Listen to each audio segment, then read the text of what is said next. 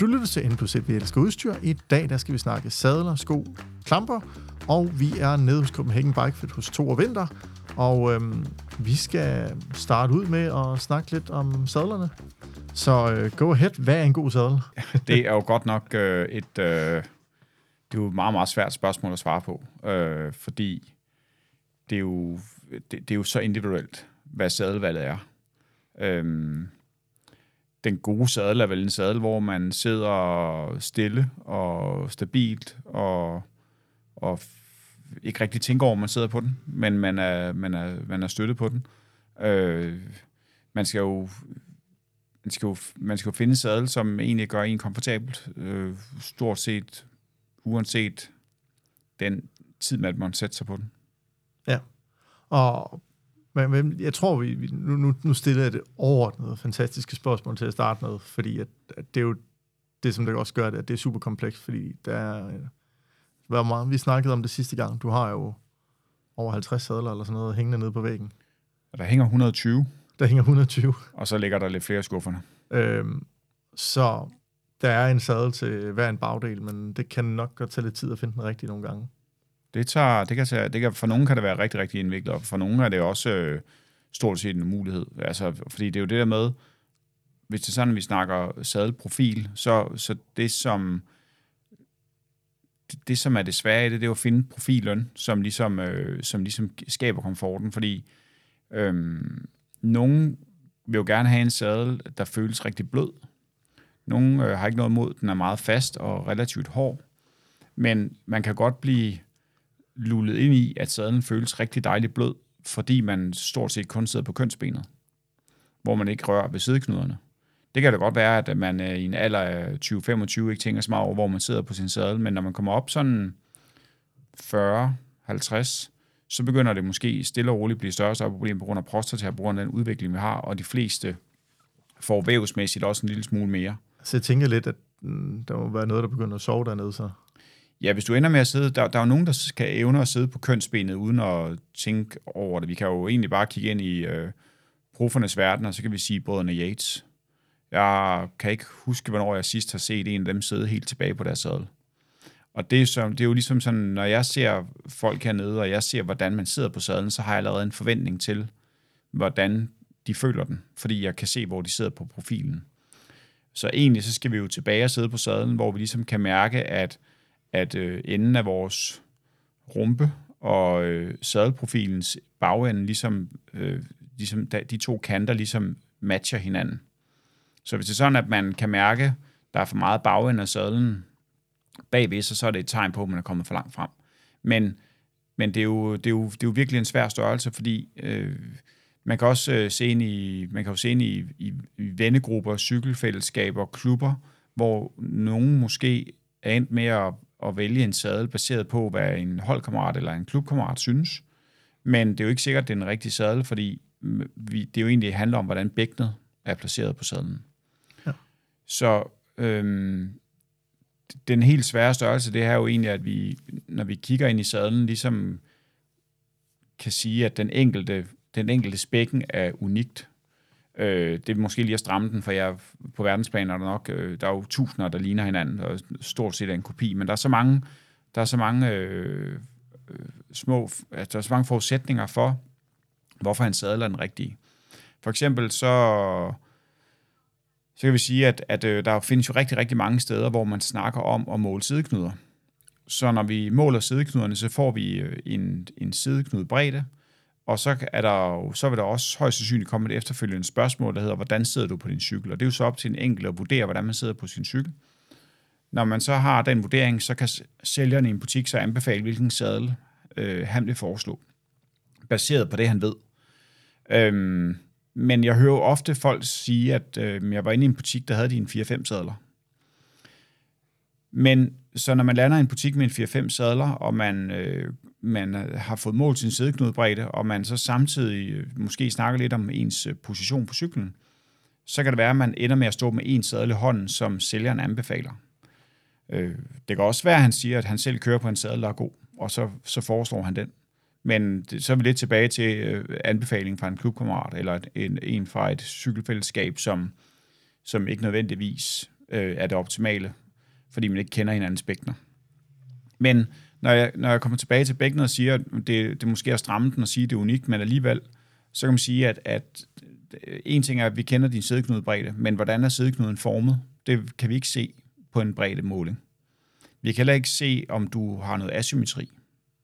Vi kan heller ikke se, om du er oval i bækkenet i den ene eller anden retning. Det vil sige, at du kunne have et bækken, der er ovalt øh, sideværs eller fremad og tilbage. Øhm, det, det ændrer retning for sideknuden, hvis det er det. Samtidig så skal vi have kippet med ind, det vil sige den evne, den enkelte rytter har til at læne sig fremad. Det vil sige, hvor meget ligger man sit bækken ned. Nogle har jo et bækken siddende stort set oprejst, og nogle ligger det meget, meget fladt, hvilket øh, giver en meget stor ændring i, i, i støtten på sadlen.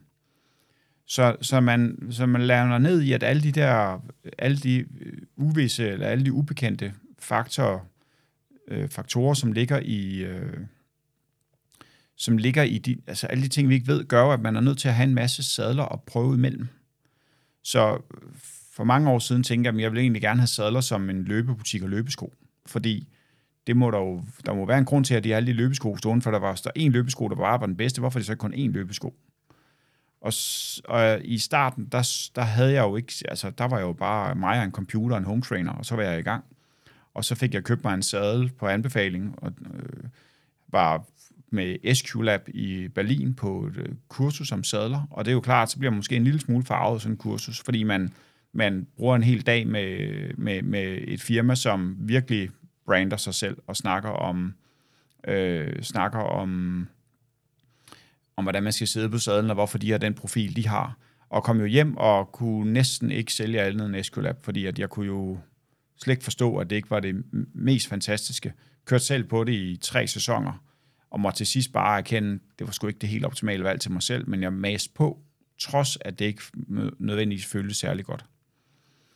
Øhm, så var jeg på et øh, kursus for en syv år siden, ish, hvor øh, vi snakker om sadelvalg, og så siger han, jamen i teorien, så har vi jo, og det var egentlig ud fra den, hans øh, tilgang til det, at snakke om bækkenformer, han sagde, du er nødt til at have en masse sadler at vælge imellem. Hvis du ikke har det, så, så ender du med, så er det jo tilfældighed, der nogle gange afgør det, fordi det er jo, så er det tilfældigt, hvad du har.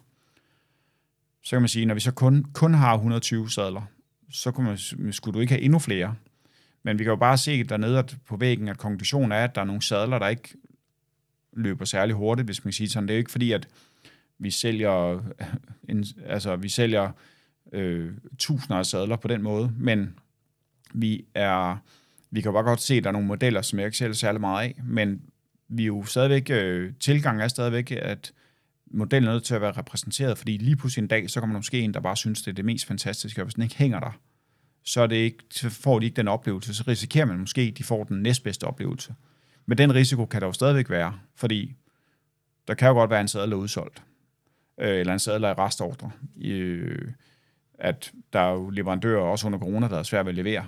Og så er det jo klart, at så, så bliver det valg, folk træffer jo baseret på det bedste, vi kan finde på dagen. Øh, og der er jo, det er jo prøvet masser af gange, at der kommer noget nyt ind ad døren, og øh, timer efter, så er det solgt, fordi der er nogen, der bare hopper op på den og synes, den er god. Og hvor jeg tænker, jamen, den, hvis du var kommet i går, så havde den ikke været der. Hvad havde du så fundet? Og det er jo, det er jo så, det, så det er jo en, øh, det er en meget, meget svær størrelse at finde sadlen. Øh, og personligt har jeg lige nu øh, siddet, jeg vil ikke kalde det meget på home trainer, men mere end jeg plejer at køre det på timer og søndags. Og det gav mig lidt sadelproblemer. Trods jeg sidder på en sadel, jeg kan køre på uden for en 4, 5, 6 timer uden problemer. Øhm, så, så sadelvalg er, er meget kompliceret i, i princippet, og det er øh, næsten sværere. Øh, jeg vil sige, jeg vil, jeg vil kategorisere sadelvalg og, og, og skovalg som værende stort set ens i sværhed, men alligevel så er skovalg sværere, fordi man er nødt til at næsten cykle i sin sko, men det kommer vi tilbage til. Men bare for at sige, at, at sadler, der kan vi jo teste sadlen på vores fitcykel. Øh, vi indstiller fitcyklen baseret på rytterens egen cykel, så den er en til en. Den er meget, meget nemmere at skifte sadel på. Og så går vi ellers bare i gang med at teste sadler. Ja. Øhm, det, det, det er noget, konklusionen er, at det er den eneste reelle øh, mulighed. Når vi så kommer tilbage til for eksempel at sige, Hvorfor måle sædeknuder? Så er, det nogle, øh, så er det nogle redskaber, som de enkelte sadelproducenter selvfølgelig laver til butikkerne, så når du har en kunde, der kommer ind i en butik, så kan, så kan ekspedienten hjælpe bedst muligt. Øh, og det er jo også, det er jo, de, det er jo nok bedre end ikke at have det, fordi så bliver det endnu mere tvivlsomt, men jeg vil alligevel kalde det tvivlsomt, om, øh, om det er en rigtig løsning eller ej, fordi jeg kunne faktisk godt, hvis jeg målte øh, sædeknude på en eller anden person, så kunne jeg argumentere for, at de sadler, vi har, der på, hvis vi kun snakker bredde, så kunne jeg argumentere for, at 80% af sadlerne ville passe. Ja. Men, men der kommer vel lidt eller andet ind i, hvor aggressivt sidder du på den cykel, hvor oprejst sidder du på den cykel, øh, hvor lang er, ikke, hvad hedder man, sige, man har den brede del af sadlen, og så har man fronten, og den kan jo både være kort, som man ser på en del af Specialized sadler, men man har også på blandt andet SQ-Lab, hvor de, det er dem, jeg selv kører på, hvor de er noget længere. Øh, og det er en varierende komfort, alt efter hvordan det er, man så sidder, og hvis ens kørestil anderledes går derud fra, det har en effekt på det, og derfor så går det ikke kun ud på, hvad, hvad sadelbredden er, eller er det helt forkert? Nej, det er rigtigt. Øh. Der er en teori, der hedder, at øh, når man kører langsommere, så øh, skal man have noget mere at sidde på fordi man, øh, man ikke har samme tryk på pedalen. Og så kan man tillade sig selv at sidde lidt mere øh, med, med en lidt bredere sadel. Jeg prøvede det for nogle år siden, hvor jeg havde min sadel, og så, så bevidst tog jeg en bredere sadel om, øh, om vinteren, kørte vinteren igennem på den, og så i det øjeblik, jeg gik fra sommer til vintercykel, eller omvendt, fra vintercykel til sommercykel der i foråret, så tænkte jeg, nu skal jeg lige mærke den der sadel. Hvad er der forskel? Nu har jeg kørt på en sadel, der var 134 nu er, og øh, hele efteråret, så skifter jeg til en 141 og tilbage på en 134 i samme model. Og med det samme kunne jeg bare mærke, at jeg følte mig sådan mere integreret på den smalle. Jeg havde sådan en følelse af, at den var lidt lettere at sidde på. Det var ikke, der var noget støtte, der føltes lidt mere naturligt. Men det er rigtig svært at, at lave den, uden at have kørt meget på en af dem. Fordi øh, så er det svært at skille meget. For eksempel på, på en fitcykel, eller hvor vi laver en sadeltest, så er det jo stort set umuligt at, at skille de to sadler ad. Men du har helt ret i, at, at øh, en ting er, at vi kan måle sædeknudebredde. Det næste er, at, øh, og det skal jeg faktisk sige, det gør vi ikke. Vi har fjernet skamlen og har ikke målt nogen sædeknuder i flere år øh, af samme årsag, fordi det bliver, folk tror, man bliver ret farvet af den bredde, man ser, og så tror folk, at jeg kan gå ned og pege på væggen og sige, hvilken sadel de skal have. Men, så, men der, hvor du har ret, det er jo, at din position er jo meget afgørende for, hvad man ender med at vælge at der er jo nogen, der sidder øh, så udstrukket og foroverbøjet. Øh, vi snakker om det i vores tidligere podcast, om at sidde aggressivt på en cykel. Men nogen vil måske kategorisere det som aggressivt. Det der med at sidde meget ja, aggressivt foroverbøjet, udstrukket, meget droppet for eksempel, jamen så er det, kan det måske være svært at finde sadel, fordi man jo måske er kommet på den lidt forkerte side af, hvad der er naturligt for en selv. Ja, altså jeg kan jo mærke, hvis jeg sidder for aggressivt, og samtidig har den her lange del, så er der noget, fordi at min sadel er relativt lang, så, så presser du sgu lidt foran, medmindre jeg kommer langt frem og sidde på den, men så sidder jeg ikke ideelt bag til. Nej, præcis. Øhm, men, men jeg tænker, kan vi lige prøve at spole lidt tilbage igen, og så lad os se, om det her bliver øh, et lidt for langt sidespor, men øh, det her med sadler, altså man har jo cyklet i ja, over 100 år nu, øhm, men altså, hvad, hvad for en udvikling har der egentlig været det sidste, ja, den tid, du har kørt? Og hvad du ser øh, i forhold til det her, og hvor det startede henne? Det, som der er helt klart, øh, jeg vil sige, generelt så kan man jo stadig ikke se mange af de designs, der var dengang. De, de går typisk stadigvæk igen på mange af sadlerne. Øh, du kan stadig ikke få en Celle Italia Flight. Du kan stadig ikke få en, øh, en, øh, en Specialized Roman, øh, nogle gamle sadler. Øh, men, men det har jo typisk været øh, meget kurvede, runde sadler, øh, sådan lidt flaskeformet, som er, har været sådan, det var fra den, den gamle version. Og så har man noget læder, og man kunne stramme dem op, og man kunne give dem noget læderfedt, og så kørte de jo øh, en, en, hel, en hel menneskealder, de der sadler. I dag der er det jo gået, der, der er det virkelig flyttet sig i en retning, specielt, øh, altså, ja, nu har jeg cyklet i cirka 30 år, øh, og, og sadlerne har flyttet sig meget, specielt de sidste 5-7 år. Specialized kom med deres Specialized Power Saddle, som sådan frontløberen på det her, den her udvikling, der har været. Den kom de vel med for 10-12 år siden, ish. Og, og den her Power Saddle har jo ligesom været sådan øh, synonymet med det nye udtryk og sadler, og hvordan man ligesom kunne tage det til det næste skridt. Det handler simpelthen om, at de har lavet en kortere sadel.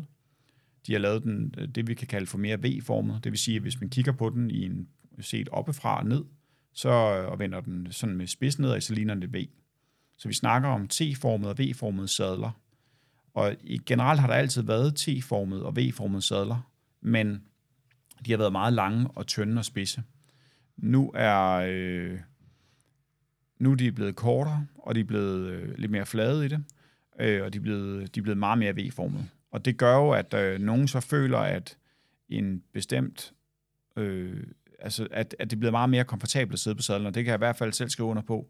Jeg synes i hvert fald, det er enormt rart, at der kommer noget mere bredde omkring kønsbenet, for det er jo faktisk det, det gør. Så din, så din, øh, din V-formede sadel giver bredde omkring kønsbenet, men der er jo så nogen, der føler, at det, det stykke af sadlen er i vejen. Så når man så sætter sig på, på sadlen med, med en meget, sådan, en meget markant V-form, så kan man jo godt føle, at, at man måske nærmest bliver nede i låret, der hvor at, at øh, låret hæfter op, øh, helt op i lysken. Øhm, men Specializer så i, de, i den periode så lavede tre forskellige bredder og laver som nogle af de få nogle meget brede sadler. Øh, hvor for eksempel de mange af de chilenske modeller jo ikke er nærheden af, men siger, at de chilenske modellers bredeste versioner er jo det samme som Specializeds smalleste. Og deres bredeste versioner hos Specialized så meget brede. Men det gør jo så, at der er rigtig mange, specielt motionister, der måske ikke sidder lige så forberedt som, øh, som Roglic, som gør, at, at øh, den simpelthen bliver, altså at, at de kan ikke sidde på de her smalle sadler, de er nødt til, når de sidder lidt mere oprejst, så er de nødt til at have en lidt bredere sadel, fordi bækkenet også sidder lidt mere oppe, og det giver noget mere bredde. Og hvis man ikke sidder på, på den bredde, så har man ikke støtten. Øhm, men det er, jo så, det er jo så gjort i en ændring, at, at alle de forskellige producenter i forskellige udstrækninger har lavet sig inspirere af den profil. Det gør så, at øh, fysik og Prologo og jamen, Cell Italia, jamen altså, nævn dem alle sammen, Bontracker, San Marco og ja, ikke, faktisk ikke Escolab. Øh, der er nogle stykker, som holder sig til deres DNA, det vil sige Escolab, det er også, øh, det kunne være CLSMP, som har deres fuldstændig egen profil, det også gør, at, at er man virkelig vild med en ene, skal man nok slet ikke holde ud og sidde på den anden. Men hvor de sådan lidt mere branded, øh, sådan lidt mere sådan branded sadler, øh, jamen de forsøger at lave et meget, meget stort spænd i modeller, som er i bredder og former, som gør, at de næsten altid kan tilbyde noget, som er godt. Øh, som gør, at folk ligesom, så lad os, sige, lad os øh, lege med tanken, at øh, vi var professionelle, og vi skulle vælge en sadel fra et bestemt mærke. Det kunne være Rocklist, der skifter til Specialized fra Jumbo Visma. Han skal overkøre Specialized produkter generelt. Jamen, lige pludselig skal han finde sig til rette på øh, en, øh, med en ny hjelm på hovedet. Han skal finde sig til rette med, han skal ikke længere køre Oakley-briller. Han skal køre på Specialized sadel. Han skal have Specialized sko på. Øh, han skal også tilbage til Shimano-pedaler. Øh, og det vil sige, at for ham er det jo en stor forvandling at lige pludselig sidde på en ny sadel, han ikke har været vant til. Og, øh, og, men, men han jo nok ret hurtigt, fordi at de laver jo noget, der minder om det, fysik laver. Jamen, eller de, de er uenige enige om, at de skal lave en, en profil, der er nogenlunde ens, som jo så gør, at han ret hurtigt finder sig tilpas. Den sidste helt nye, nye udvikling, der kommer, og som kommer rigtig meget af, det er 3D-printede sadler. Den 3D-printede sadel er en øh, sådan polymeropbygning, som minder lidt om bikube-mønster indeni, men er sådan, et, sådan den der lidt skum, øh, skumagtige overdel, som jo egentlig bare bliver limet på den bund, som de i forvejen laver. Det vil sige, det er ikke fordi, at en 3D-printet sadel nødvendigvis, øh, den har egentlig samme profil, men den føles for de fleste meget blødere. Så kan man lide øh, at sidde på for eksempel en powersadel, jamen så vil den 3D-printede Power Mirror være højst sandsynligt være en ret stor upgrade i forhold til komfort, fordi man lige pludselig får en helt anden type støtte på sine sædeknuder. Man har nærmest, sadlen får nærmest en evne til ligesom at krybe rundt om sædeknuden med sit skum, og ligesom støtte dig på et større areal. Og det er meget komfortabelt, og der vil vi stille, der kan vi stille og roligt se, at jamen, fysik kommer til at tilbyde i 24 alle deres sadler i 3D-print. Selv Italia er stille og roligt kommet med et par stykker, og langsomt så kommer der flere og flere og flere, og det er bare et spørgsmål om, at det er blevet til endnu en model. Hvordan er, hvordan er holdbarheden egentlig på de her 3D-printede sadler? Den er ligesom, øh, den er ligesom de almindelige sadler. Jeg plejer at sammenligne sadler med løbesko. Jeg ser jo ofte øh, sadler, som er fuldstændig smadret, og folk har ikke lige lagt to og to sammen, forstået på en måde, hvor, hvor skulle man egentlig også vide det fra? Men din sadel er slidt, den er blevet hård som en sten, eller blød som en pude. Øh, det går lidt i begge retninger. Øh, vi sidder faktisk og kigger på en Tim Rynkeby cykel, og kan du kigge på sadlen bagefter og se, hvor smadret den er. Øh, og det er sjovt, at han kom og sagde, at jamen, lige pludselig for et år siden, der, var den, der kunne jeg bare mærke, at den var fuldstændig død. Og når man kigger på den, så tænker man, du skulle have skiftet den for mange år siden. Men, men den er flækket, og den er hård som øh, en træskal. Men, men, øh, men den 3D-printede sadel og en almindelig sadel holder nok nogenlunde lige lang tid. Jeg plejer at sige, at en sadel holder cirka 20.000 km. Så kan man jo selv vurdere, om man, øh, hvornår man har kørt 20.000, og man kan regne sig frem til det, eller, eller om man synes, at en sadel er slidt. Det er jo ligesom en hjelm, man plejer at sige en hjelm skal skiftes efter 3-5 år, selvom man ikke har været styret med den, så har man måske tabt den et par gange, og den har været udsat for rigtig meget sollys, rigtig mange temperaturforskelle, den skal skiftes. Sadler, øh, der er det jo ikke sådan samme konsekvens som en hjelm, hvor det måske er din egen sikkerhed, det går ud over. Det går bare ondt, hvis den ikke øh, længere støtter. Den mister simpelthen evnen til at bære din, din, din vægt og støtte dine sideknuder, og så det ikke længere er, det bliver bare, det er bare ukomfortabelt. Selvom profilen er rigtig, så er det jo måske bare at sige, jamen, jeg har siddet godt på denne her sadel, jeg køber bare en ny. Det kan også være, at man bliver nysgerrig for, om der kunne være, det kunne blive endnu bedre. Ja, så, så nu, nu kigger jeg, altså fra, nu sidder vi og kigger på den her rynkeby her, og fra hvor jeg sidder, så ser den jo glat og skinnende ud. Så hvad er det, man skal kigge på? Selvfølgelig, hvis, hvis det er, at der er huller og sådan nogle ting i, så er det naturligt, men er der andre ting? Altså det er simpelthen, hvor hård eller blød den er i forhold til... Hvis man er i tvivl, om man trykker på sin sadel, så er der sådan lidt to kendetegn. Sadler har det sådan lidt med, at enten så bliver overdelen stenhård, og gelen også bliver stenhård. Og det er jo skal jo uden at skulle, øh, uden at skulle disses nogle sadler, så er det sådan typisk mest kendetegnende for de billigere sadler. De dyre sadler bliver, bliver ofte meget, meget bløde. Øh, og man kan også næsten se, at det der læder, det er bare er blevet trykket helt, det er blevet med helt fast, så det er helt blevet helt rynket. Øhm, og så hvis man kan trykke på sin sadel relativt let, og man kan komme helt ned og trykke på, på den der øh, carbon eller plastikbund, den er bygget på, jamen så, så er den død. Øh, hvis man har fornemmelsen af, at der er sådan lidt bounce i den, når man trykker på den, at man skal, sådan, kan fornemme, at man skal trykke lidt hårdt med tommelfingeren ned i den, øh, og den, den giver efter, men den er sådan rimelig, øh, men, den, den, den, men den er rimelig fast, så er den nok stadigvæk god nok. Men øh, det kunne for eksempel også være triatleter, som sidder jo, de sidder jo ikke på, så meget på bagenden, de sidder med på spidsen af deres sadel, jamen så når de sidder der med rundt på spidsen af sadlen, så sidder de på et meget mindre areal med samme vægt. Så går det også hurtigere, før de får slidt deres sadler. Øhm, så, øh, så, så slitage af sadler er jo øh, er, man kan sige, gravel. Øh, man kan få specifikke gravel-sadler, men de er jo bygget på samme bund som ja. de andre, men er typisk med en lidt stærkere overdel. Ja, for jeg går ud fra, at både mountainbike og gravel-sadler må jo, på grund af det element, som de bliver kørt rundt i, at de ikke holder lige så godt teoretisk set. Hvis man ikke øh, i hvert fald nej, holder det rent og Hvis det er sådan, at du kører, hvis du kører, hvad det hedder, rigtig meget øh, gravel og øh, rigtig meget gravel og grus og skidt og møg, så, øh, så, så går det hårdere ud over sadlen. Så får du, så får du bare... Øh, så får du bare smadret den sadel ret hurtigt. Men selvfølgelig er det ikke alt, alt du kan få i gravel, så må man jo tage, men igen, det, det dør jo ikke på, det dør jo ikke på en eftermiddag, fordi det ikke er en gravel Og faktisk så er det, det sjove er, at for eksempel Celia Italia har valgt at sige, at deres gravel skal være en lille smule mere bløde. Det er der jo ikke alle, der synes er fedt. Øh, Specialized har ikke sådan nogen umiddelbart, må I ikke hænge mig derude, så vidt jeg ved i hvert fald, nogle specifikke, jeg har ikke set dem specifikke gravel -sadler. Det er de ikke valgt. Øh, det har øh, fysik valgt, men det er den samme sadel, hvor de bare lukker hullet med en membran. Ja. Hvordan, hvordan øh, i forhold til kvinder og, og sadle der, fordi øh, altså, især lige præcis det område, der er der jo nogle anatomiske forskelle lige meget, hvordan man vil... Øh. Yes, det er der. Men, men det, der er helt, altså, det, der er jo det helt svære det her, det er, at vi er forskellige øh, i den grad. Øh, mænd kan bedre tåle at sidde fremme på kønsbenet. Kvinder så sidder direkte på kønsdelen, og det er jo ikke super behageligt.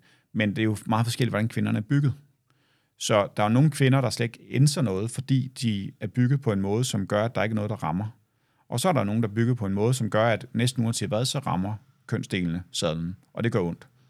Men det handler jo for både mænd og kvinder om at komme op og sidde på sædeknuderne på en måde, som ikke er stenhård, men er fast. For bliver det meget, meget hårdt på sædeknuderne, så kan vi også næsten garantere, at der ikke er noget tryk foran. Men til gengæld, så bliver det måske så, så meget tryk på sædeknuderne, det bliver til et andet problem, der kunne være betændte sædeknuder.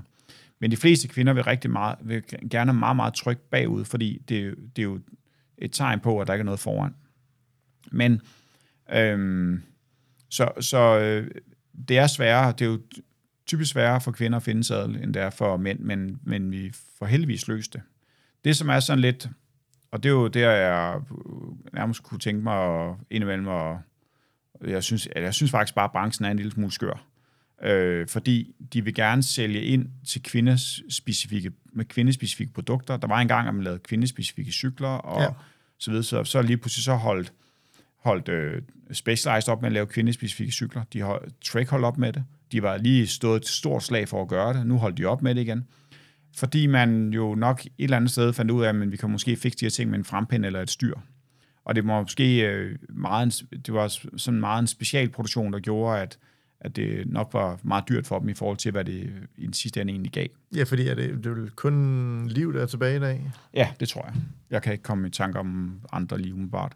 Jeg tror også, Canon, de også, også holder op med det. De har måske stadig nogle... nogle øh, de har nogen, der hedder Women, ja, det men, tror jeg, men, ja. men det er jo tit måske en sadel eller en frempændt styr. Ja, præcis. Men, men for eksempel Celia Talia, det er et, et sjovt øh, eksempel, fordi de har lavet en, øh, en bund på en sadel, og så har de lagt en overdel på, og så har de lavet en, øh, en så har de lavet den i, i princippet den samme bund i fire eller fem versioner, men en af dem hedder Lady men den er lavet på en præcis man til som herreversion. Og jeg bruger det altid som eksempel, når folk står og siger, at jeg, skal, jeg har fået at vide, at jeg skal have en kvindespecifik sadel. Jamen, prøv lige at se, de her to sadler, de er helt ens, men der står lady nede i den ene anden. Og det gør der ikke på den anden, men det, de er bygget på den samme bund.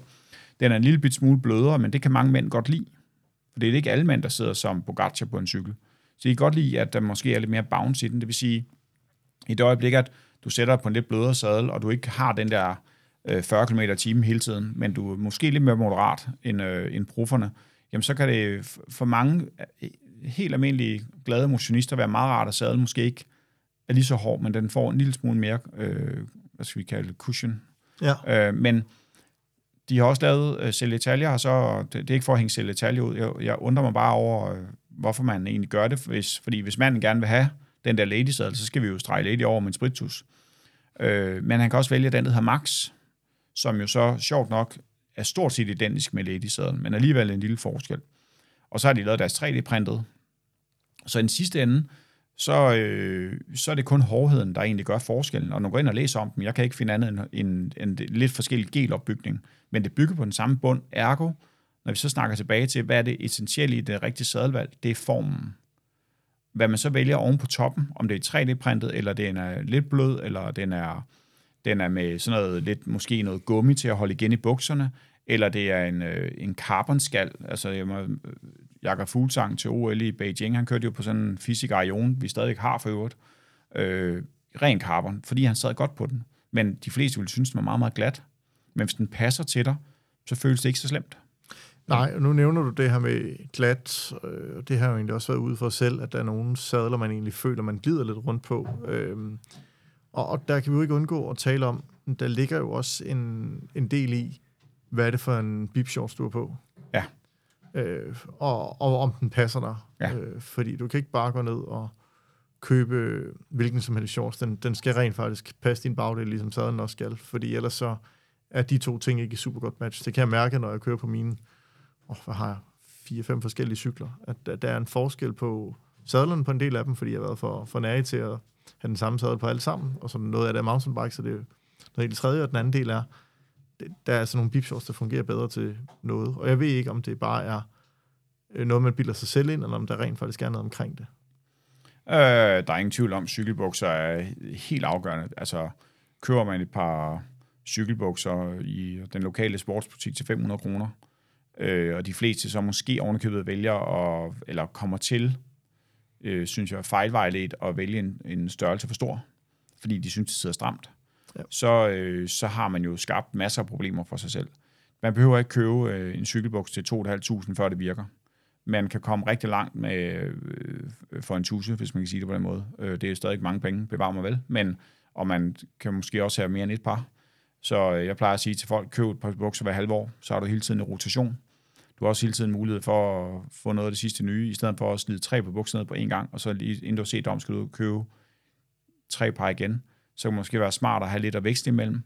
Men, men øh, der er ikke nogen tvivl om, at vi kan jo godt... Øh, altså, vi kan jo nævne mange brands, hvor de ikke udvikler en skid selv, hvor det handler om design. Men det handler ikke om, at de udvikler puden, selvom de står og siger, at det er en butik. Men de har valgt puden. Ja. Det vil sige, at, at øh, det handler om, om der er en, øh, en, en stribe det ene sted, og en streg det andet sted, hvor sidder vores logo. Og puden skal selvfølgelig have, og så kan de stå og vise alt muligt ventilation og antibakteriel, og det er rigtig smart, og det virker helt ganske givet. Vi havde for, for få år tilbage en, en cykelbuks, øh, hvor, øh, hvor sælgeren kom og sagde, det her det er en Asos-pude. Og så viste jeg den til øh, Asos, og så sagde han, ja, fra 2003. Så det var Asos, der havde solgt en 20 år gammel pude. Så den, på det daværende tidspunkt, så, så var nok været en 17-18 år gammel. Ikke? Men en, en så gammel pude, som de havde udviklet fra 2003, som var blevet solgt, som de var færdige med at bruge, så er de bare begyndt at sælge den. Det vil sige, det, du kan jo, det kan jo være, at Asos har udviklet halvdelen af, nu, når jeg siger Asos, så er det, øh, det er et brand, øh, skal jeg vide det ud, som, øh, eller et mærke, som folk nok anerkender som det bedste cykelbuksmærke på markedet, og som alle gerne vil kopiere, har deres egen fabrik, laver deres, udvikler deres egen tekstiler, syr selv og laver deres egen puder. Rigtig mange cykelhold får sendt deres cykeltøj derned, så det, I ser i fjernsynet, det er ikke det, I nødvendigvis ser i virkeligheden. Eller ikke, det er ikke det, rytterne nødvendigvis kører med, I tror, de kører med. Så, så mange hold får sendt deres cykeltøj ned til sådan en fabrik, og så får de lagt de der puder i, og så får de sendt tøjet tilbage. Og, men det vil jo så sige, at, at øh, når, når man så står i en butik og er gang med at vælge på bukser, så, øh, så kan man jo godt forvalte en, øh, en, en det kan være, at, at det er en dårlig elastik, øh, og det kan være, at puden er dårlig, men et andet aspekt er jo også, at der kommer så meget mode ind i cykeltøj, så folk jo skifter hurtigere, så de når måske ikke oplever, at de har slidt det ned. Øh, men, men det handler simpelthen om at, og jeg synes, det handler om at have lidt forskelligt, og ikke bare have et, øh, en model, øh, og så, øh, og så hvad det hedder, få det skiftet i tide, og, og så skal det være så småt som muligt. Det skal faktisk være så småt, man tænker, jeg kan overhovedet få det her på. Og så man har haft det på et par minutter, så glemmer man det. Det er som på nyvaskede jeans, de kan godt være lidt stramme til Ja, det kan godt være stramme, og så er der lige haft den på. Ja, præcis, det samme. Altså, at når, folk, når jeg guider folk til, til cykelbukser, vi sælger jo ikke sådan voldsomt af cykeltøj. Faktisk meget lidt, men vi sælger nogle, øh, nogle cykelbukser, og vi har valgt Asos. Øhm, og så det, nu har vi lige disclaimet det, for god ja. ordens skyld. Der findes også andre gode brands. Der findes men, men, rigtig mange gode brands Men, derude. men de, øh, jeg husker selv, at de havde lavet en speciel en, hvor ens ædlere del havde en speciel pouch til den, som fungerede rigtig godt, da ja. jeg kørte med den. Nej, og det handler ikke om at sidde og sige, at de andre ikke laver noget godt, for det gør de absolut. Prøv at laves virkelig meget godt cykel, som i virkelig meget. Men når man hører folk, og også hernede i butikken, så er det ikke fordi, jo, så, så, så kan du så klippe mig ud bagefter og sige, men, men Asos er nok bare, de er bare lige et skridt foran, øh, uanset hvordan vi vender og drejer den, men vi kan jo nævne de første 5, 7, 8, 10 brands, der måske øh, laver, de laver også verdensklasse tøj. Ja. Men vi har jo et liggende herude i Nordhavn, og ja. de, de er jo dygtige til at lave den del, de laver. Det er det. Øhm, så så der, der er masser der, men, men det er det der med at sige, jamen, hvis det er en, undskyld, jeg siger det, skodpude til, til en buks til 500 kroner. Man kan nogle gange godt finde noget rigtig godt cykeltøj øh, til 500 kroner. Øh, det Katlan laver noget godt noget, hvis man er udlandet en gang imellem. Øh, og det er grund, grunden til, at de er gode til at lave det, det er fordi, at det er verdens største sportskæde, og de laver deres eget tøj. Øh, det er ikke det, der sidder med i sexet, for at være helt ærlig. Men øh, øh, hvis man er lidt rundt i det og har lidt på sidebenene, så er det faktisk ikke det værste tøj, kan jeg se, når, når man sådan ser test af det. Men, men det er, find, find på gode bukser også, for det har også noget at gøre med sadlen. Det er, øh, ja, sige, ej, så, så sadelmæssigt, så plejer vi at gøre det, at øh, folk kommer og klæder om. Jeg indstiller fitcyklen man til deres egen cykel, og så går vi egentlig i gang med at prøve sadler. Og det er jo ikke, øh, jeg har jo ikke en eller anden schema, jeg så øh, bruger. Det er jo foregår inde i mit eget øh, lille hoved, ud fra en, en erfaring, jeg har fået i, når man, hvis han synes det om den her sadel, eller hun synes det om den her, så vil hun nok synes det om den næste. Og så allerede på de første to-tre sadler, så har jeg en helt klar retning af, hvad folk føler naturligt øh, og komfortabel. Og så er det jo et helt, det er jo, men det er jo også en snak om, hvad det, hvad det er, de skal mærke efter. Hvor meget tryk har du på knoglerne, på sædeknuderne? Hvor meget har du fremme? Hvordan får du fordelt den vægt rigtigt?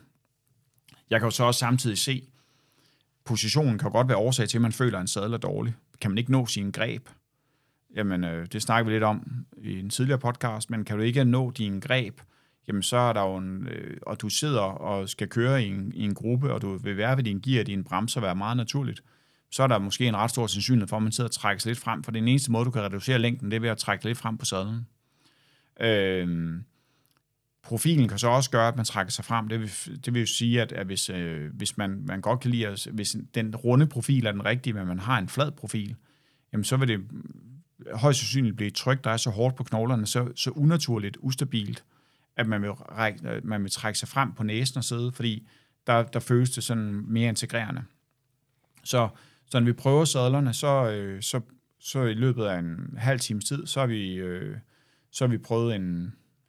Vi, vi, vi skal ikke prøve 120 eller 100 forskellige sadler, det giver ikke nogen mening, fordi mange af dem er jo bare forskellige bredder og forskellige typer næser og, og opbygninger. Men jeg kommer i hvert fald rundt om en, en 10-15 stykker, men for skal ligesom have skåret det ind til benet, som vi måske har en to-tre sadler, hvor man begynder at være i tvivl om, hvilken af de her sadler er det bedste, fordi de minder meget om hinanden. Ja. Og ud fra dem skal vi jo så finde ud af, hvilken en vi tror, man skal starte med at prøve. Og vi har jo altid haft øh, den tilgang, at man skal kun have én sadel. Så man kan godt køre en tur på en sadel og mærke, hvordan den er, og så få den byttet. Øh, også godt køre to eller tre, for den sags skyld. Øh, man skal bare ikke lige tage den med igennem grusgrav, eller begynde at lave mad med den, øh, så den ligner noget, der er løgn, men ellers så, hvis, hvis, man, hvis man prøver det par gange, så er, det, så er der fri bytning øh, på, øh, på det, fordi hvis det viser sig, at det var en af de andre, så skal tvivlen komme folk til gode. Ja. Det, øh, det, det skal føles ordentligt, og man skal sidde godt, og det, øh, det kan være en, en, det kan være nogle små detaljer, der gør den store forskel, og det er jo, det er jo derfor, at det er vigtigt, at man får den rigtige sadel, så man kan sidde roligt og komfortabelt og, og længe på sin cykel. Det var, det var faktisk noget, vi også gjorde i den skibutik, jeg arbejdede i for, nu skal jeg tænke mig om, 15 år siden, der var bootfitter. Øh, hvis skistøvlerne ikke passede ordentligt, og de kom tilbage efter en skiferie eller en sæson og sagde, det her fungerer ikke, og man godt kan kigge, øh, ah, det, det, var, det var sgu ikke helt godt også. Så øh, ny støvle, betal differencen, hvis det er, der er prisforskel. Og så øh, får man fittet det op igen, fordi det er vigtigt, de ting, de sidder ordentligt. Ja. Øh, og det, er, er der noget, vi mangler her med sadlerne, hvor du tænker, åh, oh, det har vi skulle lige glemt? Øhm, ja, der er, jo, der er jo meget, der... Der er mange... Altså, der, der, nej, det, det, det tror jeg egentlig ikke rigtigt. Det er jo en... Øh, det er jo, en, det er jo, en, det er jo blevet, bare blevet en, en sjov størrelse, men det er jo... Øh, det er virkelig... Jeg synes jo, skal du have en ny sadel, så find et sted, som har mange sadler, og som øh, kan lave en test, ja. hvor man kan prøve sadlerne, man ikke bare øh, står og, og måler sædeknuder og siger, du skal have, øh, du kan vælge mellem de her tre, øh, og så har de fire sædler, ikke? Øhm. Så, så lad os nu sætte den lidt på spidsen der, fordi øh, alle kommer ikke herind, og alle kommer måske ikke forbi Thomas over i Aarhus, eller en af de andre bikefitter, øh, og måske sidder de også på nettet. Øh, og det er måske ikke det bedste sted, når det gælder sko og sadler og så videre, men, men det sker nogle gange. Hvad, hvad kan man gøre sig selv som tjeneste af, sådan ligesom at sætte sig ind i, hvad vil fungere for en? Problemet er, problemet er jo, at man ender med at sidde og læse på de forskellige hjemmesider om, hvordan sadlerne er lavet, og hvad, hvad de anbefaler, så man, så man altså ja, det, det, er jo, det er jo faktisk virkelig svært at, at, at komme med en eller anden guide til, hvad man skal, hvad man skal forholde sig til, men man skal jo lidt kigge på sin nuværende sadelprofil. Øh, lurer, er den flad, er den rund, er den, er den meget sådan spids, er den, er den V-formet, hvordan ser min sadel egentlig ud, og hvad er det, jeg skal man så ikke gå i en anden retning. Så nogle gange, når folk kommer ind med en sadel, så har jeg jo lavet en fornemmelse af, hvad retning vi skal i, baseret på, hvad de siger ud fra det, jeg ved, de sidder på. Men, men, øh, men det, det er, altså, det, det, lån nogle sadler nogle venner, eller øh, er nogen, der har noget liggende i skuffen, sæt det på, kør et par ture og se, om du føler dig bedre tilpas. Ja. Øhm, der, der, der, problemet der er ikke en eller anden protokol, vi kan bare kan smide op og sige, du skal gøre sådan her. Men det er jo også en god grund til at gå ned til den lokale gode cykelbæk, som der har en del forskellige sadler, og prøve det af, og så finde ud af, om der er noget, der passer dig. Og hvis man bor i Københavnsområdet, så er der blandt andet Zora her, som man går ned forbi, og rent faktisk øh, få et, et fit til noget sadel. Okay. Øhm, men, men lad os køre videre og så sige, at øh, vi har et andet kontaktpunkt, som vi også vil prøve at se, om vi kan... Oh, det kan vi godt nå i dag. øh, og ellers kan det være flere to episoder ud af det. Sko. Ja. Øh, og det er jo det, er jo en lige så stor videnskab. Øh, vi har bredden, vi har hvor, hvor, hvor stor er togboksen, vi har hvor, hvordan er hælen, er den blød, er den smal, øh, hvordan klemmer den ned over overdelen af foden i forhold til, at man har en høj eller lav svang, øh, custom såler for den sags skyld. Hvor starter man hen? Altså, vi, øh, vi startede for nogle år siden med at sige, at vi ville egentlig gerne have cykelsko, men hvad, hvad skal vi dog vælge? Og det er meget omkosteligt, fordi der er virkelig mange modeller. Der er mange størrelser, sjovt nok, og der er så sjovt nok flere farver. Nogle kommer i flere bredder, så man kan godt begynde at sådan pladsmæssigt, øh, måske også lidt økonomisk, men øh, primært plads. Man kan jo tage det i den, det tempo, man synes, der, der er råd til det, men vi har valgt at... Øh, vi startede, vi startede et sted, og så, øh, så kastede vi os lidt ud i det. Øh, nu er vi jo endt med at have, have mange sko, øh, øh, mange sko på hylden i, i forhold til forskellige, forskellige muligheder. Så øh, Det, det er jo, ja, altså, der står cirka, derovre står der lige pt. 6 gravel-sko, lidt støvler, og så står der vel 20 på landevejssko. Ikke? Um, og det er alle men- sammen forskellige modeller. det er forskellige modeller det hele. Der står ikke to ens står. Men, øh, og, men, men, men det helt svære i alt det her, det er jo præcis som du beskriver det inde, det er jo, det er jo foden.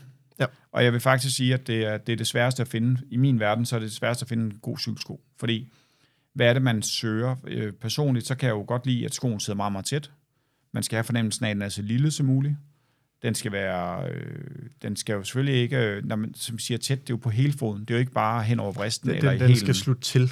den skal slutte til. Den må faktisk også gerne have, i, i, i, i min fornemmelse af cykelskoen, den må gerne være så lav ude i togboksen, at, at øh, jeg ikke føler, at jeg svømmer rundt med tæerne. Og det er der jo nogen, der bare synes er enormt behageligt, at der er meget plads til tæerne. Så, så det er meget forskelligt, hvad folk de ligesom, øh, hvad folk de søger i en cykelsko. Men, men øh, vi plejer at gøre det, at vi starter med at måle folks fødder. Så vi har mulighed for at måle længde og bredde. Så kigger vi selvfølgelig på foden. Hvad, hvordan ser bristen ud? Hvad med lasten? Er, hvor, hvor bred er den? Hvor meget, øh, hvad, hvad sker der, når de står på deres fod? Fordi mange cykelsko vil man jo kigge på og synes ser meget smalle ud. Så man kan jo starte med at tage indekssålen ud af cykelskoen, man skal prøve, og lægge den ved siden af sin fod, mens man står op, og så vurdere, om det er noget, der ligner hinanden. Fordi hvis det er nu sådan, at man har, man kan, der er nogen, der har en øh, meget spids, altså ude ved tæerne, hvor tæerne spidser meget ind. Øh, der er også nogen, der er meget runde ude ved tæerne. Så, det er jo, så er der nogen, der har brug for den der runde togboks, nogen har brug for den lidt mere spidse Og togboks. så er der nogen som mig, jeg har en kæmpe stor, stor tog, og det gør, at jeg altid får huller op i toppen af mine sko, i hvert fald mine løbesko. Øh, ikke så meget cykelskoene, fordi det er et andet materiale, men det gør, at hvis jeg ikke har den rigtige sko på, så øh, gør det ondt i mine tæer. Ja, gør det rigtig ondt. Øhm, og så er det jo det der med at vurdere, jamen, hvilken type sidder der foran mig. Sidder der, øh, en, øh, sidder der en cykelrytter, jamen er han ude i en super stiv carbonsål. Det er faktisk ikke særlig ukomfortabelt at køre med en stiv carbonsål. Fordi det er jo, det er jo egentlig bare en, en bedre støtte til hele klampen. Men vurdere, hvem der sidder foran mig, og også snakke lidt om pris. Øhm, og så, øh, så derfra ligesom prøve nogle sko. Øh, det, som der jo ofte sker ude i butikkerne, øh, det er jo, at, at folk de ligesom siger til sælgeren, at jeg føler, at den klemmer min tær lidt, og så går man en størrelse op. Og det gør jo så, at øh, den der cykelsko, der måske skulle- var den rigtige længde, den skulle bare have haft en anden form. Den så i princippet bliver for stor, og den ikke sidder fast. Det kan være svært at placere klampen rigtigt under en sko, der er for stor. Og hvordan sidder hælen egentlig fast, og kan man overhovedet lugte den? Men det er jo en, det er jo en individuel vurdering af den enkelte fod, og øh, selvfølgelig også personen, der sidder foran og kigger på den sko, de har med, og så sige, jamen, ud fra, ud fra hvad jeg ser, så tror jeg, vi skal hoppe over den her retning. Det kan vel være en fordel for, hvad skal man sige, mennesker, der vejer lidt mere end gennemsnittet, og have en lidt stivere sko, for at de ligesom ikke træder den flad, Ja. når det er de... Øh, Vi, er jo, vi har jo fundet ud af, at vi har svært ved at sælge, sælge for eksempel entry-level sko. Det Ja. sælger vi næsten ikke noget af, fordi, fordi det, folk kan godt mærke, når de får den på, og lige vurdere den i forhold til for eksempel storebroren eller storesøsteren, eller to niveauer op, at den sidder meget entry-level-agtigt. Det vil sige, at den bliver meget sådan sneaker, sneakers-agtig i sin pasform. Alle kan tage den på, der er ikke noget, der går ondt, der er ikke noget, der trykker. Og den er også ret blevet i sålen, så konklusionen er, at det ikke føles sådan super godt. Man får heller ikke den samme kraftoverførsel. Nej. Det, det er jo det, der handler om, hvorfor den også skal være stiv. Og det er jo, at jo mere du kan presse ned, jo mere kraftoverførsel får du. Ja. Og hvis den er blød, så gør det et eller andet sted hen, og det kan for den sags skyld også betyde, at man laver en pronation et eller andet sted, fordi man simpelthen træder ned i solen, Ja, og man laver en rotation i knæet. ja. Der er mulighed for, at du træder, det er princippet bare øh, begynder at, at, at træde skoen flad, eller, eller bøje skoen, mens du kører, ikke? i stedet for at flytte cyklen. Og det er jo ikke det helt optimale. Men, men øh, lidt det samme med, med cykelskoene her, som med sadlerne, så er vi jo mulighed for at prøve dem. Øh, er det under et fit, så plejer jeg at anbefale, at vi starter med at prøve sko, fordi hvis man kommer ind ad døren og tænker, jeg skal have mig et par nye sko, jamen så er det, så er det, øh, så er det næsten bedre lige at køre med dem, øh, inden, man, øh, inden man køber dem, så man i hvert fald kan prøve dem. Og hvis det er sådan, man køber et par sko, og man så kører en tur eller to, og det bliver helt håbløst, så må vi jo lave det om. Og så er det jo, øh, så er det at få det byttet, eller, øh, eller hvad vi gør. Det skal, ikke, øh, det skal føles ordentligt, og øh, jeg skal ikke stå her og kloge mig på et par cykelsko, der så føles dårligt. Så må vi jo, så må vi jo simpelthen få dem, få dem byttet. Laver man stadig custom soler, eller er man gået væk fra det igen? Ej, det, det er i princippet et, et, det er meget snævert, og der er ikke særlig mange, der spørger ind til det, og jeg snakker lidt om det, men, men jeg tror, det står nederst på ønskelisten hos folk. Ja. Øhm, men der er nogen, der får det lavet. Hvis vi, vi laver custom soler, hvor man, altså vi har jo ikke det helt store apparat, hvor man starter helt fra bunden, som ja. Nok vil være det, vil være det mest optimale, men, men vi har øh, lillebroren, hvor vi varmer solen, og man står på den, indtil den er kold. Hvad, øh, hvad er grunden til, at man er gået lidt væk fra den her custom sol igen, udover selvfølgelig, det tager noget tid? Jeg tror ikke, at øh, nødvendigvis man er gået væk fra den. Jeg tror egentlig bare, at det, det, det er den enkelte rytters behov, der ligesom gør, om, om det bliver en forespørgsel eller ej. Øhm, men der er ikke nogen, altså, så jeg tror egentlig stadigvæk, at antallet af soler, der bliver solgt, er nogenlunde det samme, som det altid har været. Selvfølgelig, jo mere man i tale sætter, jo mere man ligesom forsøger at, at booste, jo, jo mere kan vi måske også øh, øge komforten med, ved hjælp af soler, men, men, øh, men, men, men folk, der mærker skoen, som ikke har prøvet at få en sol i, og som ikke har nogen problemer med fødderne, de tænker ikke, at det nødvendigvis skal være en sol. Men jeg har kørt med min egen soler i siden 2001, to stykker, tror jeg, og fået lavet nogle stykker siden. Øhm, og det føles jo enormt komfortabelt, så jeg kunne heller ikke vil sige, jeg kunne selvfølgelig sagtens cykle uden, men øh, Ja. det er enormt komfortabelt med. Og, der er også stor forskel på, om hvad for en skofabrikant, om de rent faktisk laver nogle ordentlige soler. Specialized, de laver noget, hvor der er en lille smule mere støtte i, andre de laver noget, der er, ja, der, hvor det ikke er eksisterende. Øh, Det er lidt forskelligt. Jeg har tidligere købt med Mavic. Øh, Jeg synes ikke, det er de bedste soler. Der er custom soler i. Rigtig gode sko ud over det. Øh, Nu ved jeg ikke, hvordan de er i dag, efter de blev overtaget, men engang var det jo egentlig Salomon sko, øh, som man brugte øh, en del af opbygningen af, fordi det var samme firma. Ja. Øhm, så så det, det kommer også an på det, og kan man... Der, der findes jo også den her, hvad skal man sige, lidt mellow mellemvej, hvor der er blandt andet Specialized, jeg ved ikke, om Trek stadig laver det, men, men hvor det er, man har haft en, ikke en custom sol, men en sol, man kan lægge i, som der så er forskellige typer svangstøtte i, som Ja, man rent faktisk kan præcis. støtte sig med. Der er, de, der er nogle øh, fabrikanter, Escolab, Specialized, Bontrager, øh, øh, flere, som, som laver tre, øh, tre tilvalg, man så køber. Der er jo mange, der laver de her kilesystemer, som følger med skoen. Øh, det laver Shimano og Quark. De har sådan nogle kiler, hvor du lægger den kile ind, du føler er det, det rareste. Og den sidste ende, så det med at, at vælge Sola, er jo at, at egentlig at prøve, nærmest at sige, men jeg har købt den her sko, jeg vil gerne have en sål i, men hvad, hvad skal jeg vælge? Jamen, hvad, hvad føles bedst? Hvordan føler du dig bedst støttet på din fod? Hvordan føler du, at du har den bedste hånd i handske fornemmelse af den her sko? Jamen, det gør du ved kombinationen af den her sål og den her sko. Øh, så så øh, jeg, jeg synes jo, det, det, det er enormt komfortabelt, men, men øh, og, det, og det er jo ikke... Øh, de kan jo i princippet også afhjælpe øh, relativt store problemer. Altså, sæt... Øh, du har den rigtige sko, du sætter klampen rigtigt, alligevel får man sådan en brændende fornemmelse i, i fødderne under forfoden, øh, men der, så, kan en, øh, så kan en custom sole jo redde alt. Så, så den er ikke bare, det er jo ikke bare nødvendigvis komfort, det kan også sagtens være en, en redningsplanke til dem, som har store fodproblemer, som øh, nedsunken forfod eller en stor pronation, hvor man får den støtte, der gør, at man, man ikke står på de der og får de her hotspots under foden. Ja, fordi nu nævner du det her med Shimano og Kork, der laver kiler, og det er jo egentlig for at modvirke en pronation, især til tider er det oftest med folk, der har lidt højere svang, fordi så er der noget luft nedenunder, når man så træder ned, så har foden, udover det kan være sådan sovende fornemmelse, har foden også en tendens til ligesom at sørge for, at underbenet roterer indad. Og det gør jo, at man får en uhensigtsmæssig bevægbane. Ja. Øhm, så nu nævner du det her med forfoden. Øhm, hvad kan være årsagerne til, at man måske har en brændende forfod? Jamen, det, er, det bliver til sådan nogle hotspots, at du ja. simpelthen får for meget tryk på et for lille areal, og det, øh, og, og det gør jo ondt. Øhm, der, der, der er også nogen, der får sovende tær, men det er jo øh, primært øh, sadelhøjde klampeposition, der er grund til det. Men, men egentlig så, øh, så, så er det så, så er det, fordi der er for meget, for meget pres på, men de, de fleste kommer, det, mange, af, mange oplever det, fordi man har nedsunken forfod, og at, at når du så træder ned på den der hårde sol, øh, carbonbund i skoen, så, øh, så, så får man for meget pres lige der. Ja. Og så skal solen jo egentlig i princippet udligne trykke så meget, den kan fra helt til to. Og hvad med, hvis man nu føler, at man får det simpelthen oven på vristen eller svangen? Hvad, hvad kan være årsagerne til, at, at man får smerter der? Det er typisk, hvis det er sådan, at skoen er forkert. Ja. Det er, hvis lukningerne ikke sidder rigtigt, eller, øh, eller, øh, eller borelukningerne, eller, eller hvad man nu har lukning, lukningstyper på sine sko, de, øh, de ikke sidder helt optimalt i forhold til ens ja.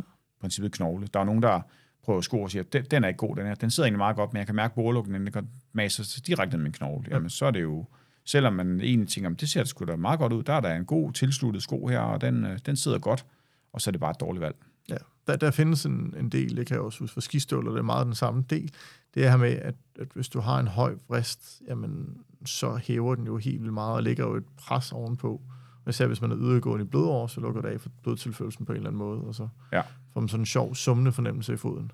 Ja, det er jo det, det og det er det fuldstændig samme cykelsko. Det er jo en, øh, det er en, en det, det, altså fødder er så komplekst, og det, det er jo næsten, altså sadler, det kan vi prøve, og så kan vi, sådan, øh, så kan vi komme ind og ramme en, ret sikkert ramme en familie, der er god. Og vi kan også ret sikkert nærmest sige, prøv lige denne her eller denne her. Øh, hvor sko, der kan man nogle gange godt tænke, kan vide, om han finder en sko, der er god. Altså, det er jo, øh, det er jo ugenligt, vi prøver det, øh, og kæmper med at, at skabe god komfort på fødderne. Ja. Øhm, så lad os prøve at gå lidt tilbage i foden, altså hælen, eller rettere sagt rundt om. Nu har jeg oplevet på en af mine sko, og det er sjovt, jeg har det samme sæt sko fra, nu nævner jeg ikke brandet, øh, og øh, jeg har den bare i to forskellige farver, men den ene, den, altså den får simpelthen indersiden af lige under anklen til at sove helt vildt, og det er jo ikke super fedt. Hvad er det, der sker om bagved? Jamen, hælen har jo øh, en... Altså, hvis du går rundt på gulvet, så hælen, den sender jo øh, store mængder øh, nervesignaler til hjernen om, at vi foretager os. Når vi sætter os på en cykel, og vi låser foden fast i skoen, så skal der bare ikke særlig meget pres til omkring hælen, før det bliver ubehageligt. Øh, det er egentlig også derfor, at man egentlig søger sko, der er meget, meget stive i hælkarpen, for nemlig at kunne fixere hælen. Men det er klart, at hvis, øh, hvis øh, det, det kunne lyde som om, at, at hælkarpen på den ene sko er, har ændret sig lidt, eller i hvert fald ikke er man til den anden, fordi egentlig så, øh, så, man sige, så, så er det jo egentlig, skulle det egentlig være meget behageligt, at det er så stift som muligt, så længe det passer dig. Ja. At man har den der fixering af hælen, så den kan, den kan stå stabilt ned i skoen, og den derved har mulighed for at sende signaler op til hjernen om, hvad vi laver. Øh, så hvis, hvis man bare prøver at rejse op og stå på gulvet, så kan man tydeligt mærke, hvor meget mere vægt der er på hælen, og vi ved, at den sender signalerne om, hvad vi laver. Så det er også derfor, at det nogle gange kan være svært at balancere det hele på en cykel, fordi vi ikke har støtte på hælen. Og hvis der er en dårlig støtte på hælen, så bliver det ikke bedre i hvert fald. Nej, og det, det, er, jo, det er jo både hele kappen, som er det bagerste del, og så ja. er der jo de her, hvad skal man sige, før den går op til vristen, men de her nedsunkne dele omkring, øh, hvad hedder det, knysterne, som også skal passe nogenlunde ind, fordi ellers ligger de jo også og trykker ind på. Ja. Øhm, så der er jo en del, man skal være opmærksom på i forhold til at vælge den rigtige sko. Øh, og du nævner jo det her med, at det spiller også ind med klamperne. Så hvordan er det lige med dem? Altså, Jamen i, i princippet så skal de jo, du nemt at sige, de skal være placeret under forfoden. Jeg synes, det er skide svært at indstille det er, mega, det er mega svært. Og det er svært, fordi at klampen har jo mulighed for både at lave en, øh, en retning med foden under knæet. Vi vil jo gerne have foden til at være under knæet. Det vil sige, at man skal lidt vurdere, cykler jeg lidt hjulbenet, eller kører lidt kalveknæet, eller gør jeg ikke nogen af tingene. Jamen, så kan man forsøge at flytte sin sko ind eller ud, efter, alt efter hvad man gør. Øh, så du får sat foden under, under knæet. Og så, øh, så skal du også have placeret øh, din klampe, eller din pedalaksel, vil jo i i princippet gerne være placeret fra første til femte led på din forfod. Øhm, og der, hvor folk så øh, ofte går galt i byen, det er, at man har en linje på klampen, der indikerer, hvor pedalakslen er. Og så, har man, øh, så kan man mærke sin knyste, og så placerer man de to linjer over hinanden. Øh, når jeg siger gå galt i byen, så er det fordi, det er, det er lige omkring en centimeter for langt fremme. Så man skal sørge for at rykke klampen lidt tilbage, så man ligesom kan lave et... Øh, hvis man markerer sin sko, man tager, tager sin sko på, lægger malertape for eksempel på siden, mærker efter sine knyster på inderside og yderside, så kan man ligesom øh, forsøge at måle afstand mellem de to punkter, og halvdelen af det, der skal pedalaksen så være. Og det er den markering, der er på, øh, på, på klampen for det. Så vi vil gerne sikre den rigtige bredde, vi skal selvfølgelig også sikre den rigtige længde, men det er helt afgørende, at du ikke får... Øhm, sige, der findes jo rigtig mange YouTube-videoer, hvor der er nogen, der sidder og anbefaler, at man bare skal skubbe klamperne så langt tilbage som muligt. Og det var vi også inde på i sidste afsnit. Det er jo sådan klassisk, fordi man måske sidder for lavt, man føler, at det er mega godt. Øh, men ja, det kunne også være, at klampen sad for langt. Øh, at den, den egentlig bare sad for langt fremme. Ja. Så det går, men, men mange skal, der er jo nogen, der skal have klamperne helt frem. Der er også nogen, der skal have dem helt tilbage. Det er så individuelt. Og der er heldigvis masser af plads i de fleste sko til rent faktisk at flytte det frem og tilbage, plus ja. klampernes indstilling.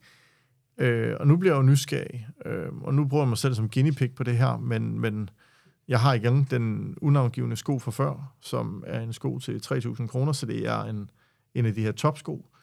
Den ene, den har jeg med et, et enkelt øh, klampemærke, og den anden har jeg med et andet klampemærke. Men den ene fod, der sover jeg under. Og det er der jo nok andre, det er simpelthen, man kan mærke det simpelthen op igennem skoen, at øh, der er et eller andet, der presser på nedenunder. Hvad er det, man har gjort galt? Jeg tror, at din klampe sidder forkert. Det, Men det er jo svært. Det, det er jo nok meget rigtigt. Ja, jeg, tror- jeg, altså, der, der er ingen tvivl om, at, altså, at, at det, det tryk, der ligger på foden, kom, bliver, bliver baseret på, hvordan klampen sidder. Så, så derfor så er den, den balance på din forfod, øh, den er jo, den er jo, den, altså, det er jo sindssygt svært, men altså, der, der må, jeg vil sige, der må være en linje på klampen et eller andet sted, som skal ligge samme sted som den linje, der er på den sko, der virker.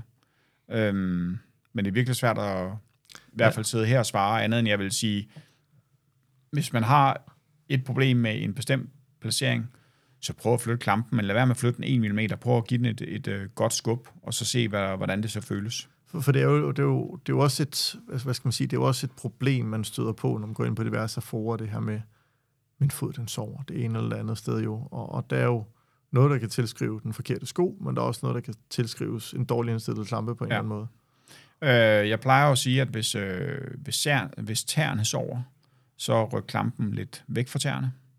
Hvis det er på midt på foden, på ydersiden af foden, så ryk klampen frem mod tæerne. Så ryk klampen væk fra det problem, man har. Øh, og alligevel så er det jo også nogle gange en, en svær guideline, fordi det, det, er jo, det går jo også... Øh, altså i nogle tilfælde, så kan, så kan tæerne jo sove, og fødderne går ondt, fordi at sadlen er for lav.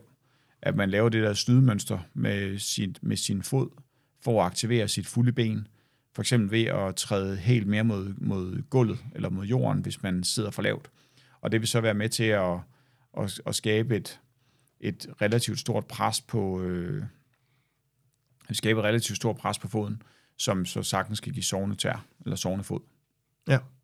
Så, så nu, nu har vi kigget på det her lige her sko, og jeg tror stort set alle dine sko, de har borespænder.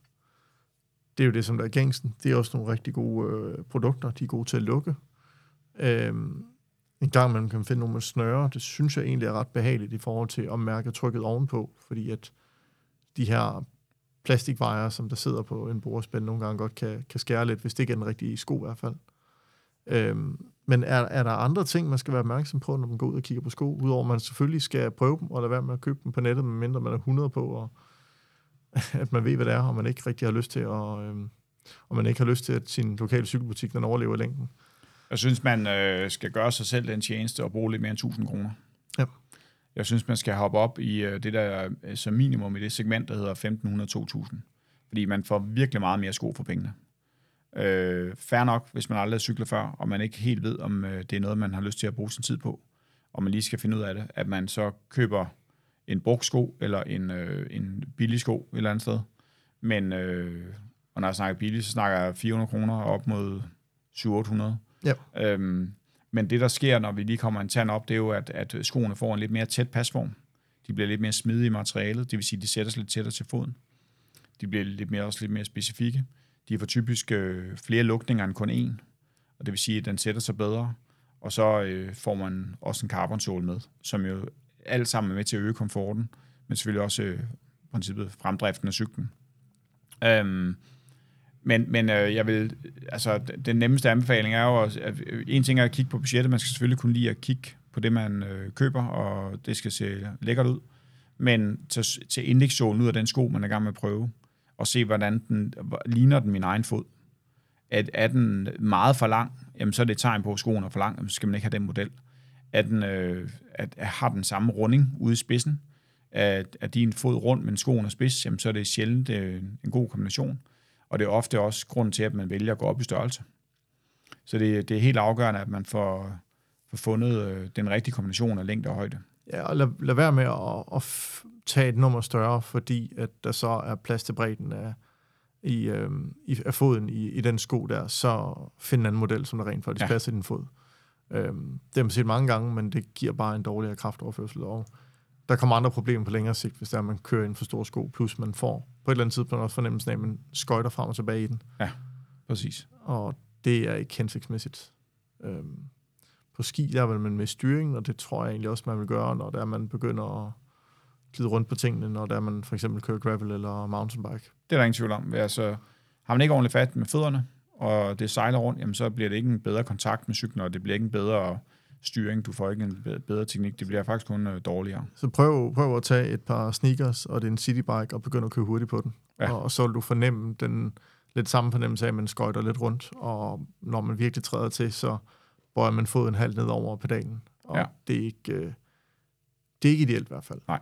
Øh, derfor, dermed sagt, så skal der jo stadig være plads til, at har man ikke de store penge til, til, til de her ting, jamen køb en cykel med, med lidt mindre godt udstyr på, og så sørg for, at øh, sko og sadel, det, er, det sidder ordentligt. Så skal man sgu nok få, få trænet, og så, Præcis. så kan man opgradere senere, hvis det er det. Ja. Er der noget, vi mangler her? Jeg tror, vi er godt omkring det. Så siger jeg tusind tak, Thor. Selv tak.